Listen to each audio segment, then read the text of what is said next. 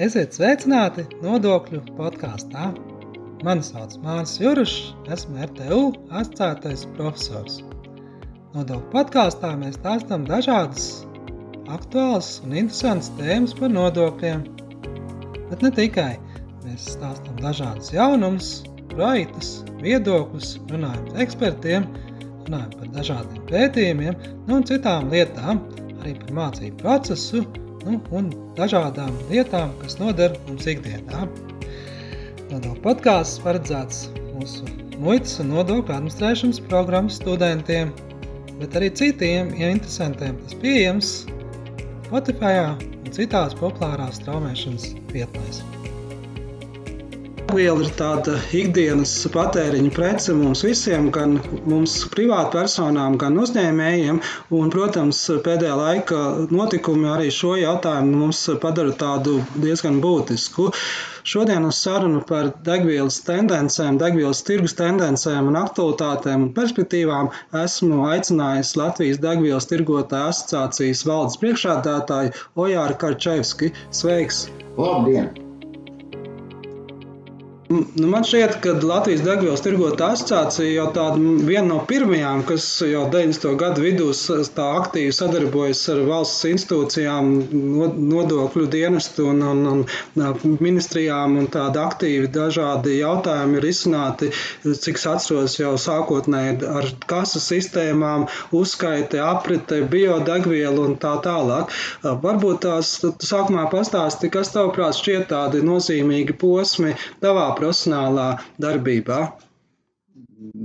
Visnopietnākais vis, laikam ir tas, ka uh, asociācija, kuru, kuru ir dibinājuši un kurā darbojas lielākie Latvijas degvielas tirgotāji, mm, es vadu jau uh, 23 gadus no 2000. gada.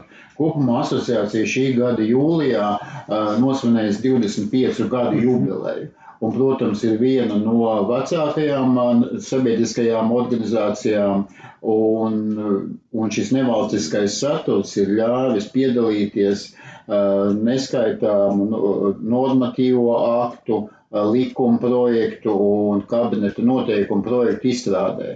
Un, un šī ietekme, ja pavērtējam par gadiem, ir bijusi tiešām ļoti nopietna. Sevišķi grūtākais bija uh, 2000 gadi, kad vispār radās pirmie mm. normatīvie akti par degvielas apgādi. Nu jā, kad, kad valsts sāka saprast, ka svarīgi un regulēt, tad ir vairāk dažādas jā, prasības, tehniskās prasības. Jā, šī nozara, protams, no tā izrietēja, kad ir visregulētākā iespējams.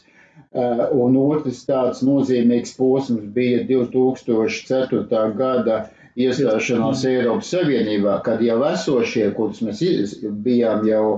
Nu, Savas prasības radījuši, un jā, tad bija jāievieš. Jā, jā, jā, tad viņi bija jāsaskaņo ar Eiropas Savienību.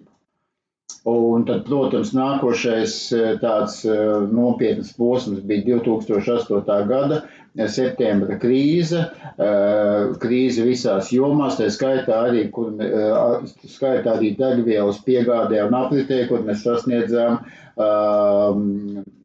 tādu indikāciju kā naftas cena Brent naftas cena 147 dolāru barelā. Tas ir vēl līdz šim brīdim lielākais. Nu jā, tas bija tāds tiešām laikam tāds lielākais notikums cenu ziņā. Pirms tam jau mēs 90. gados vispār pastamies, tās cenas bija tādas smieklīgi nu, mazas.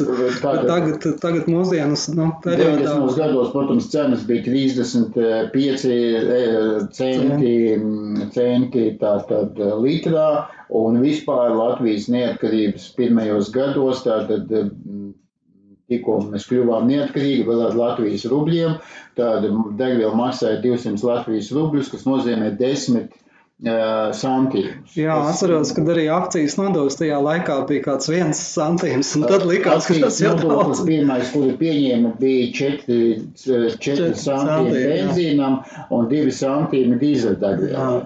Un tā tas jau ir izaudzis līdz 41 santīma, jau jāsaka, jau eiro centam, dažreiz jukšķi ir cents un santīmi, bet kopumā šīs 41 eiro centam, kas jau ir vairāk kā 20 reizes, reizes pieaudzis. jā, tāds būtisks, tomēr tāds tā, tā, tā notikumi šai ziņā bijuši un arī regulācijas droši vien tad arī tā, vai pēc tās 8. 9. gada krīzes vēl kaut kāda bija pavērsieni nu, vai kaut kāda. Ļoti nopietnas pavērsiens pēc tā, nu, mums jāsaprot, ka kritās patēriņš, mm -hmm. patēriņš nokritās pa 16%, daudz cilvēku devās darba meklējumos ārzemēs. Tirgus samazinājās, jā. Tirgus samazinājās, lai spētu sekt, uzņem, sekt saistības, kuras bija uzņēmušies, jo mm, naudas plūsma likās, ka būs bezgalīga un laba. Līdz ar to bija ļoti, ļoti grūti. Uh, un uh, lēnām, lēnām šis, šis apjoms atgriezās, bet atgriezās tikai pāris gadus atpakaļ. Mēs tādu apjomu kā līdz 2008. gadam, tādu vairs nebijām tērējuši. Bet jāsaka, bija vēl viens no, ļoti nopietns mums uh, notikums. Tātad iestāšanās Eirozonā 2014. Mm. gada 1. Mm. janvārī, e, mēs, jā, kur mēs bijām apņēmušies to izdarīt, un visi norēķini, kredīti, vispār attiecības e, daudz ko izmainīja. Un mēs, kā asociācija, protams, ļoti piesaistījāmies šajā, šajā, šajā darbā. Jā, jā. Šajā darbā un, un nu, kļuvām, par, kļuvām par godīgiem eiro ieviesējiem. Nu, arī, arī pēdējie gadi nav viegli visai Latvijai, mums visiem un uzņēmējiem, un arī, protams, degvielas nozarē šis būtiskais periods, jā, Covid, karš Ukrainā un šī energoresursu atkal cenu un krīze. Ka, kas šobrīd tāds uzņēmējiem aktuāls šai ziņā un kā, kā, kā degvielas nozara tiek ar to galā? Pašlaik mēs atrodamies kara apstākļos Un jāsaka tā, ka mm, pats personiski sapratu, ka kaut kas notiks ir 2019. gada rudens, jo analītika, dati par enerģētiku kopumā, ne tikai par naftas produktiem, arī par dabas gāzi, arī par pārējiem rādīja, ka kaut kam ir jānotiek. Bet bija vēl viens mums negaidīts notikums, tātad uh, uh, koronavīrusa izplatība, kas apturēja uh, visu saimniecisko darbību tādā mērā, ka naftas cena degvielas cenas biržās nokritās līdz tādam apmēram, ka degvielu mēs varējām iegādāties pat par 70 centiem. Jā, tikai, nu, kas viņa pirks, vai ne? Tā, tā, Jā, tā, tā, tā. tā tajā brīdī, aprīlī, degvielas patēriņš nokrita par 20%, tad 20. gada 20. aprīlī nokrita par 20%, neskatoties uz šīm zem, ļoti, ļoti zemajām cenām. Jā, to, um, ierobežojumu. Energoresursi bija pilnīgi pietiekami, un, kā redzams, tagad tas mums kādu atbīdīja pār diviem gadiem. Un tad nākošās kara pazīmes parādījās, parādījās 21. gada aprīlī, un jau rezultējoši 21. gada septembrī, kad vairāk kārt pieauga elektrības cenas un dabasgāzes cenas, un jāsaka, ka šajā karā uz naftu un naftas produktiem un benzīnu un dīzeļdegvielu tas spiediens nebija tik liels, cik reizēs bija uz dabas gāzi. Un... Jā, tas, tas man arī apbrīno, ka parasti tā krīze jau tāda nu, ļoti plaši ir, bet šajā gadījumā taisnība mēs arī nu, tik ļoti droši vien neizjūtam tieši uz degvielas cenām, kā varbūt nezinu, apkuras un citos sektoros. Jā, tāpēc, ka viens no tagad jāsaka tā, ka, ka 14. gadā, tad, kad bija iebrukums Krimā un pēc tam karš Donbasā vasarā, 14. gada vasarā, tad eh, mums eh, likās, ka galvenais spiediens ir uz naftas produktiem. Mm -hmm. Nē, hibrīda karš ir tagad kļūst plašāks un tieši gatavošanās karam ietvēra to, ka tieši dabas gāze būs tas galvenais mm. elements, ko izmantos, jā, ko izmantos jā, kara apstākļos, kā hibrīda kara. Kā, kāda ir tā situācija, kad, kad tas karš sākās? Kā šo, kāda šobrīd ir tā situācija šajā degvielas tirgu? Tātad, karam uzsākoties Latvijā degvielas cenas bija attiecīgi eiro 60 benzīnam un eiro 50 dīzeļdegvielai. Tātad varētu teikt līdzīgas šodienas, mm -hmm. bet šī ažiotāža un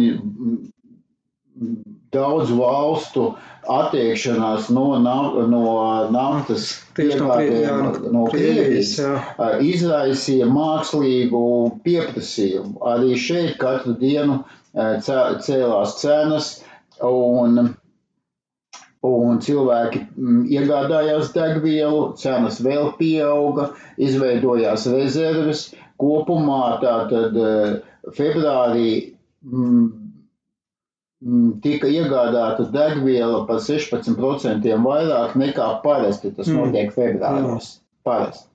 Jāsaka uzreiz, ka martā tieši par tādu pašu lielumu degviela netika iegādāta, tad šie krājumi tika lietoti. Nu jā, tas labi, ka nebija tāds efekts, ka tagad visi pērk un, un, un, un kaut kādas bailes un paniku un to tirgu vispār tā, tā, tā būtiski hausu rada. Jā, tā, tas, tā, tas man likās tāds pagājušais gads tāds, nu, veiksmīgs šai ziņā, ka mēs tā kā dzīvojām tomēr tajā ikdienas ritmā un, un, un kaut kādas tādas baigos hausus nerādījām.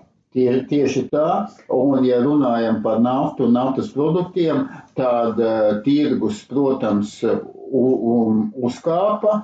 Un jāsaka, ka galvenais tomēr bija Eiropas lēmums par sestās sankcijas paketes mhm. ieviešanu, mm -hmm. kura paredzēja pilnībā pārtraukt importu no Krievijas Jā. naftas produktiem un naftai divos periodos, 5. decembris un 5. februāris. Nu, faktiski tas jau ir jau sāc, stājies spēkā. Tas ir stājies spēkā, ažitāža nav, bet redzams, ka Krievija mēģināja šo ažitāžu nu, veikt.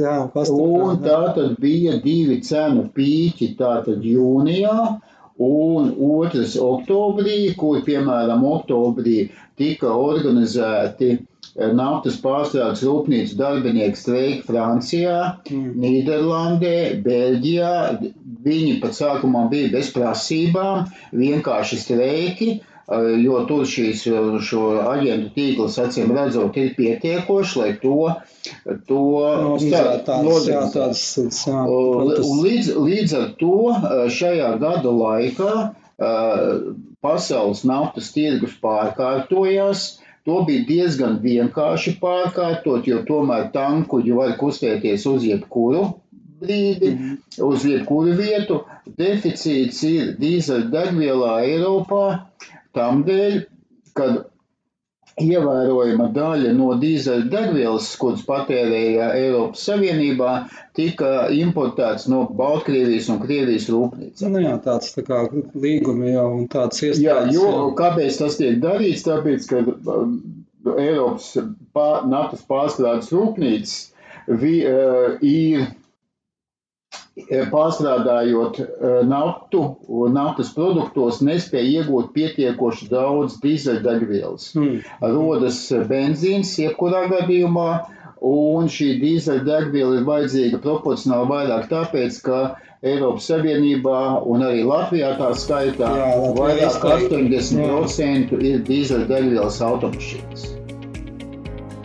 Nozīmē, ka pēc eh, tādas sankcijas eh, stāšanās spēkā mums ir eh, jāmeklē jauni piegādātāji. Kā, kā mums izskatās, kā mums šobrīd, vai mums ir tādi citi piegādes avoti, un ka, vai ir kaut kādas bažas, un vai mums pietiksies jā, tuvākajā nākotnē? Tātad mums jauni piegādes avoti nav kā degvielai, tad Latvija pati naftu nepārstrādā, bet izmanto benzīnu un dīzeļdegvielu, un tas ir no divām rūpnīcām. Tātad viena Odlēna grupai piedarošā rūpnīca Možēķos Lietuvā, kur ir lielākā daļa no benzīna un dīzeļdegvielas, un otra Nestes Podvo mm, Skandināvijā, Somijā atrodošā rūpnīca. Abas šīs rūpnīcas pirms tam lietoja Krievijas, Krievijas naftu un tad pārkārtoja tehnoloģijas, lai varētu piegādāt no Saudu Arābijas. Un arī Ziemeļjūras, tad visā mhm. pasaulē tankuģiem ir diezgan vienkārši, tātad tankuģi var ceļot jebkur. Tā kā tie, principā ir, nu, ir jau nu, pārslēgušies uz jauniem pārslēgušies jau, jo Polijai, Somijai, Baltijas valstīm, Latvijai tas bija ļoti principiāls lēmums mm. neļaut Krievijai iegūt papildus ieņēmumus kara finansēšanai. Tāpēc tur Latvija tā skaitā bija viena no pirmajām, kura paziņoja, ka uh, Krievijas ražotos naftas produktus nelietos. Jā, un kā, un kā tomēr tad, tad šī piegādātāja maiņa, vai tas resurss ir pietiekams, vai tiem jaunajiem piegādātājiem ir pietiekami apjomi atkal, lai saražotu un apgādātu to, ko varbūt līdz šim viņi ne, nepiegādāja? Jā, attiecībā uz Latviju tad ir pietiekams, jo Latvija Tātad, tā pirms, pirms tātad šī, pirms, jāsaka tā, pirms um, nemieriem Baltkrievijā, kas bija pēc prezidenta vēlēšanām 20. gadā, uh, importēja apmēram 6% un no Krievijas 12%. Respektīvi, šie 20 nepilnie procenti tika aizstāti ar šīm divām rūpnīcām, un tas nav dramatisks pieaugums. Un jāsaka tā, ka degvielas pietiek un ir pieticis visu šo kara laiku. Mēs eh, saskaramies ar tri, trijām uh, dažādām pozīcijām, ka, kas uh, vērstas ir uz zaļināšanu. Mm -hmm. Viens tātad ir tātad klimata izmaiņas, kurā tiek noteikts, ka vispār CO2 vai siltumnīcas gāzu izmešu samazinājums neļaus paaugstināties planētas temperatūrai Un līdz ar to mēs saglabāsim esošo dzīves veidu, kā tā, tā ir viena daļa. Mm -hmm. nu, zaļais kurs tā tad jā, kaut jā, kāda otra, otra, otra daļa ir esošās konvencionālās, jeb parastās, jeb fosilās degvielas aizvietošana ar kādu citu degvielu, bet mm. iekšdedz dzinējos. À, nu jā, tā tad alternatīva meklēšana, lai aizstātu to resursu, jo viņš jātaupa un, un, un, un jāierobežo, tā kā mēs meklējam citas alternatīvas. Jā, un trešais ir šo siltumnīcu gāzu samazināšanas mērķi, kuri ir ļoti augsti, Un ir sevišķi grūti izpildīt valstīm, kurām nav ražošana. Nu jā, tas tāda klimata neitrāli, kad mums tātad pēc jā. iespējas mazāk jāpiesārņo. Ja mēs to darām, tad mums kaut kas ir jādara citādāk vai jā, jā, jā, jākompensē šie pasākumi, lai tā, tā ietekme gal galā būtu pa nulēm vai neitrāli. Tā trīs jā. tādi, jā. Kā, kā redzams, ja pārējām pie mērķiem, kā redzams, ka šie pasākumi faktiski nav efektīvi eh, un efektīvi eh, no tādas nozīmes. Kopumā eh, transports pasaulē veids tikai 16% izmešu. Nevis kā, tas nav galvenais izmešu radītājs. Un šie 16%, kur 11% ir ceļu transports, nav pats galvenais, bet fokus ir tieši šiem mērķiem, lai aptvertu pēc iespējas vairāk cilvēku, ar pēc iespējas vairāk pārvietošanas līdzekļiem. Redzami, ka, šiem, ka šī izpilde nav efektīva, un tāpēc Eiropas komisija ir plānojusi ar 35. gadu vispār aizliegt iekšdedzes dzinēju mašīnu, jaunu mašīnu izniecību Eiropas Savienībā. Mm. Nu, jau, nu, tā tad ir jau, nu, tā, saražota, jā. Nu, tā tad, ne, viņas jau var ražot nu, jā. Ķīnā, nu, jā, jā. varētu vest uz Eiropu, vai otrādāk ražot Eiropā, un vest uz Dienameriku, nē. Tā tad Eiropā gadā viss tāds. Reģistrēt ne, nevarēs. Tas nozīmē, un nākošais solis ir 50. gads, tātad jau tuvākajā paudzē, kad faktiski uh, naftas uh, produkti netiek lietoti transportā. Tur paredzēta tagad pašlaik plānos 10% rezerve, bet vispār tas nozīmē, ka 50. gadā ir nulle emisijas. Mm. Bet mums jāatcerās pats sākums. Ja mēs tikai transportā izdarīsim nulle emisijas, vienalga tas samazinās emisijas tikai par 16% pasaulē. Mm. Un šie klimata mērķi viņi, manu, manuprāt, netiks izpildīti jebkurā gadījumā. Nē, nu jā, droši vien arī citas nozares, jā, tāda apkure vai pat ražošana arī ir, ir pat, pat, pat automašīnu ražošana droši vien prasa šo te kaut kādu pāreju un arī tur tad jādomā, kā to klimata neutralitāti panākt, jā.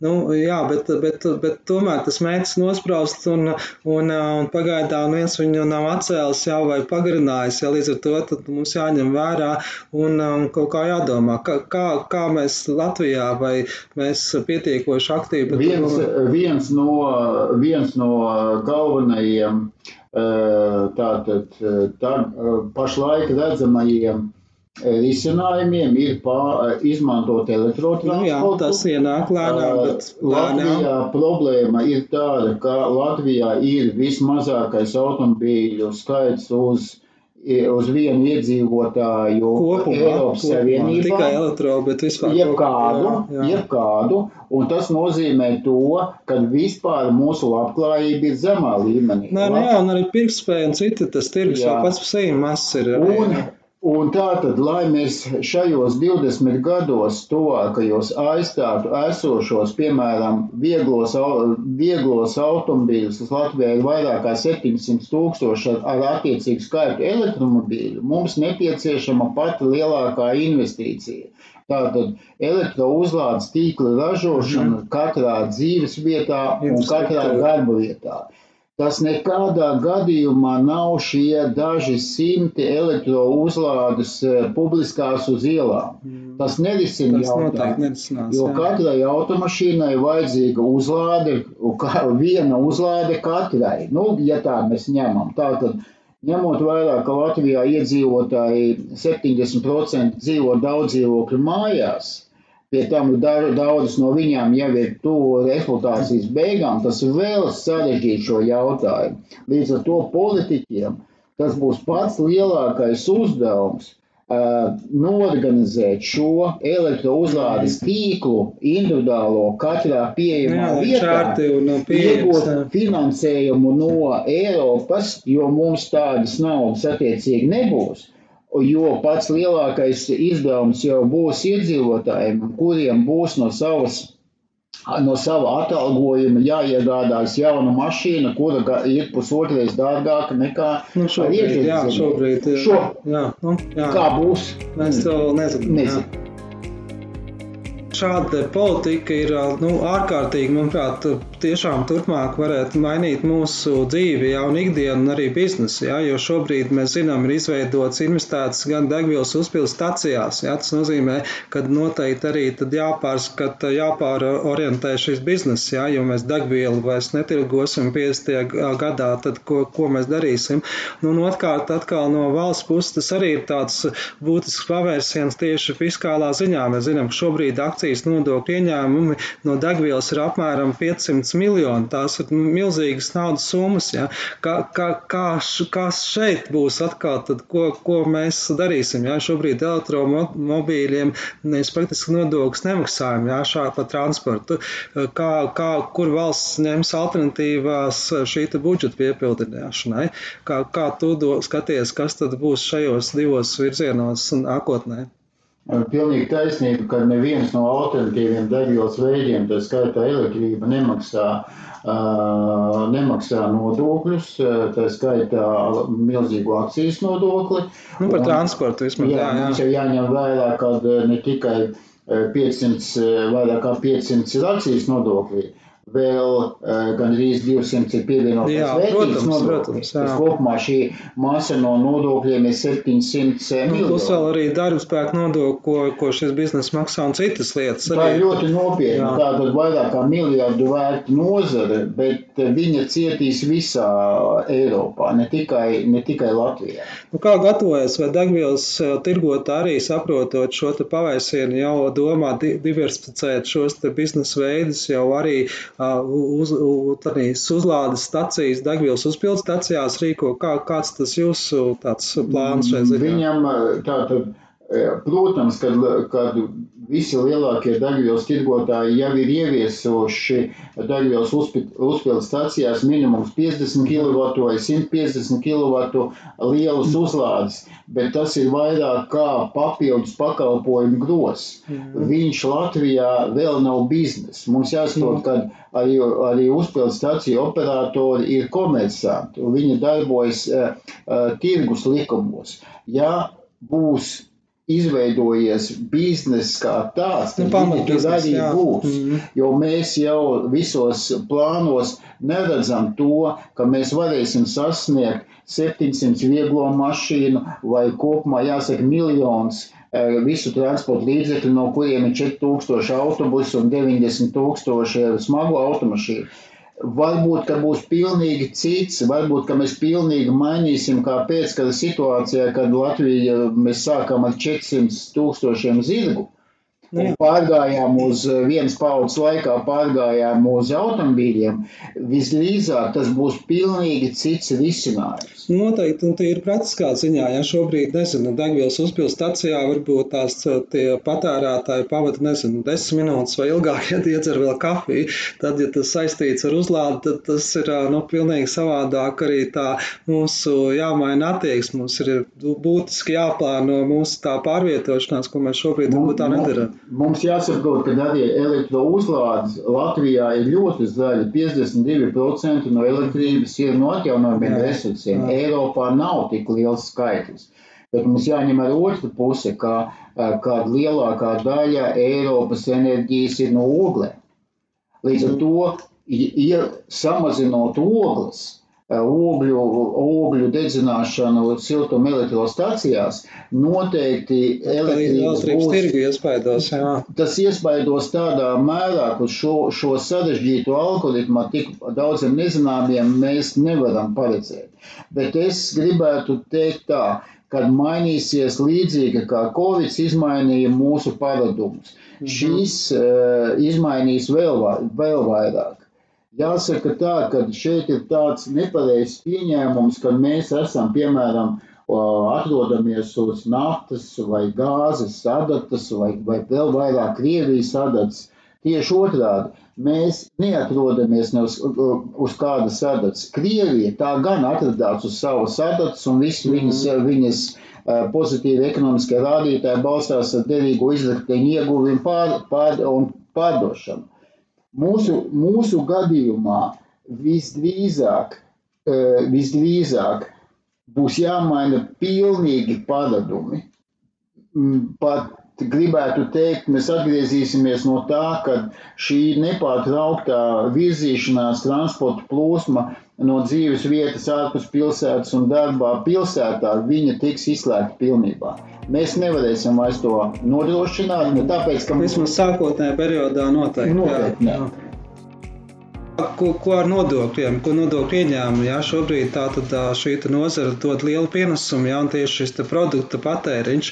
Kā, kā, kas, kas tavuprāt sagaida valsts budžetu nākotnē šai ziņā? Kā, kas, kas sagaida arī, ko tad mēs no, nu, ņemsim no, no kurienes līdzekļus, jā, vai, vai droši vien, ka droši vien, kad ir jāpārskata, un tas arī visticamāk, ja arī elektrība būs aplikta ar šo nodokli, jo ceļi jau tāpat būs jālabo jāuzlabo un citas lietas mums ir vajadzīgas. Noteikti, kad uh, uzdevumi tiek, ko risinās finansisti, finansu ministrija būs milzīgi, jo tās izmaksas, kas būs vajadzīgas veselības aprūpei, kas būs vajadzīgs izglītībai, jau tagad, piemēram, veselības aprūpes 40% sedz paši iedzīvotāji. Visdrīzāk uh, šis elektrības pieaugums ir iespējams ar, ar akcijas nodokļiem, bet pats dramatiskākais ir tas, ka šī cena uh, un dotā brīdī tie biržas produkti neļauj uh, pilnā mērā aplikt ar nodokli, neizdarot spiedienu uz sociāli mazāk, mazā aizsargātajām grupām. Jo akcijas nodoklis degvielai tomēr bija ekskluzīvs tādā nozīmē, ka, ja man ienākumu nav, es viņu nepērku. Bet nu, elektrībai ir, tas patēriņš ir visiem. Un līdz ar to šie izaicinājumi visdrīzāk kā vadlīnijas būs tomēr izstrādāti Eiropas Savienībā. Nu jā, bet šobrīd mēs zinām, ka elektrībā ir jau šobrīd paredzēts šis minimālais akcijas nodoklis izmantot transportā, bet nu, faktiski viņš ir krietni mazāks kā, kā degvielai, ja, lai stimulētu šo pārēju. Ja. Tad, ja mēs tiešām pāriesim visi, tad, nu, tad, tad tie, tie ienākumi, budžeta ieņēmumi ne nepietiks arī tad, ja mēs nu, nu, piemērosim šo nodokli. Kā, tas nozīmē, ka mūs gaida kaut kādi vēl papildus nodokļi vai vēl lielākas nodokļu likmes šim produktam. Es personīgi, ja man būtu iespēja, es neiesaistītos nekādos stimulācijas uh, nu, pasākumos, nekāda veida. Es ļautu pilnīgi darboties tikai tirgumu Un viņš tad arī noteikti, ja iedzīvotāji vai uzņēmumi varēs atļauties elektromobīļus, viņi to iegādāsies. Domāju, ka šis atbalsts vai 4000 par jaunu vai 2000 par, par, par lietotu ir neprātīgs apstākļos, kad mums nav pietiekoši atalgojumi izglītībā un pietiekoši atalgojumi medicīnā. Nu jā, tas par pašiem elektromobīļiem, bet viņiem arī jāpatērē tas produkts, jā, un tad, ja mēs tas, mēs lielākā daļa šobrīd patērē degvielu, jā, ja sāks patērēt elektrību, tad, nu, būtiski kritīsies ieņēmumi no degvielas, jā, tas nozīmē, ka, bet viņi lieto ceļus, jā, tas nozīmē, ka gribot, negribot, mēs droši vien tā šā vai tā nāksies kaut kā arī šos te produktus produktus vairāk aplikt ar akcijas nodokli. Pilnīgi taisnība. Tad dotajā brīdī šo apjomu, ko mēs e, iekasējām, iekasējām akcijas nodoklī, mēs apjomu ziņā izmantojām ceļu būvē. Mm. Tikai lieta tāda, ka pašlaik pārējais periodā mēs šos līdzekļus saņemam no Eiropas Savienības un to pašu akcijas nodokli varam lietot šeit savām vietējām vajadzībām. Bet īstenībā tas ir ceļu jautājums. Ja? Degvielas nozare, tāpat kā citas, ir būtisks cietušas pēdējā laikā Covid un karš Ukrainā, un tas rada tādus arī izaicinājumus mums pārējiem, jo degviela ir tāda ikdienas patēriņa prece. Un jau, jo neatkarības laikiem mums ir bijuši daudz dažādas izmaiņas šī tirgus regulācijā, arī tas ir tāds būtisks ieņēmuma avots, ja mēs maksājam akcijas nodokli un, un, un vairāk kā pusmiljārds ja, no šīs nozares tiek samaksāts gadus. Ja. Tā skaitā mūs, protams, gaida vēl jauni izaicinājumi nākotnē, zaļais kurs un, un pārējais to, tā tad jāmeklē alternatīvas un kā uz to pāriet, kā, kā, kā mēs nacionālā līmenī aizstāsim šo degvielu un, protams, kā, kur mēs ņemsim naudas budžetā, ja, ko šī nozara šobrīd ievērojamos līdzekļos no, pienes. Šodien sarunā piedalījās Latvijas degvielas tirgotā asociācijas valdes priekšādātājs Sojārs Kaščevskis. Paldies! Paldies! Paldies, ka klausījāties! Paldies, ka klausījāties mūsu nodokļu podkāstu. Ja tev interesē arī citas epizodes no mūsu nodokļu sarunām, tad meklē mūs Spotify vai kādā citā populārā strāmošanas vietnē. Atsauksmes sūta mums e-pastā māris.cirus at rtu.lv. Tā, līdz nākamajai reizei!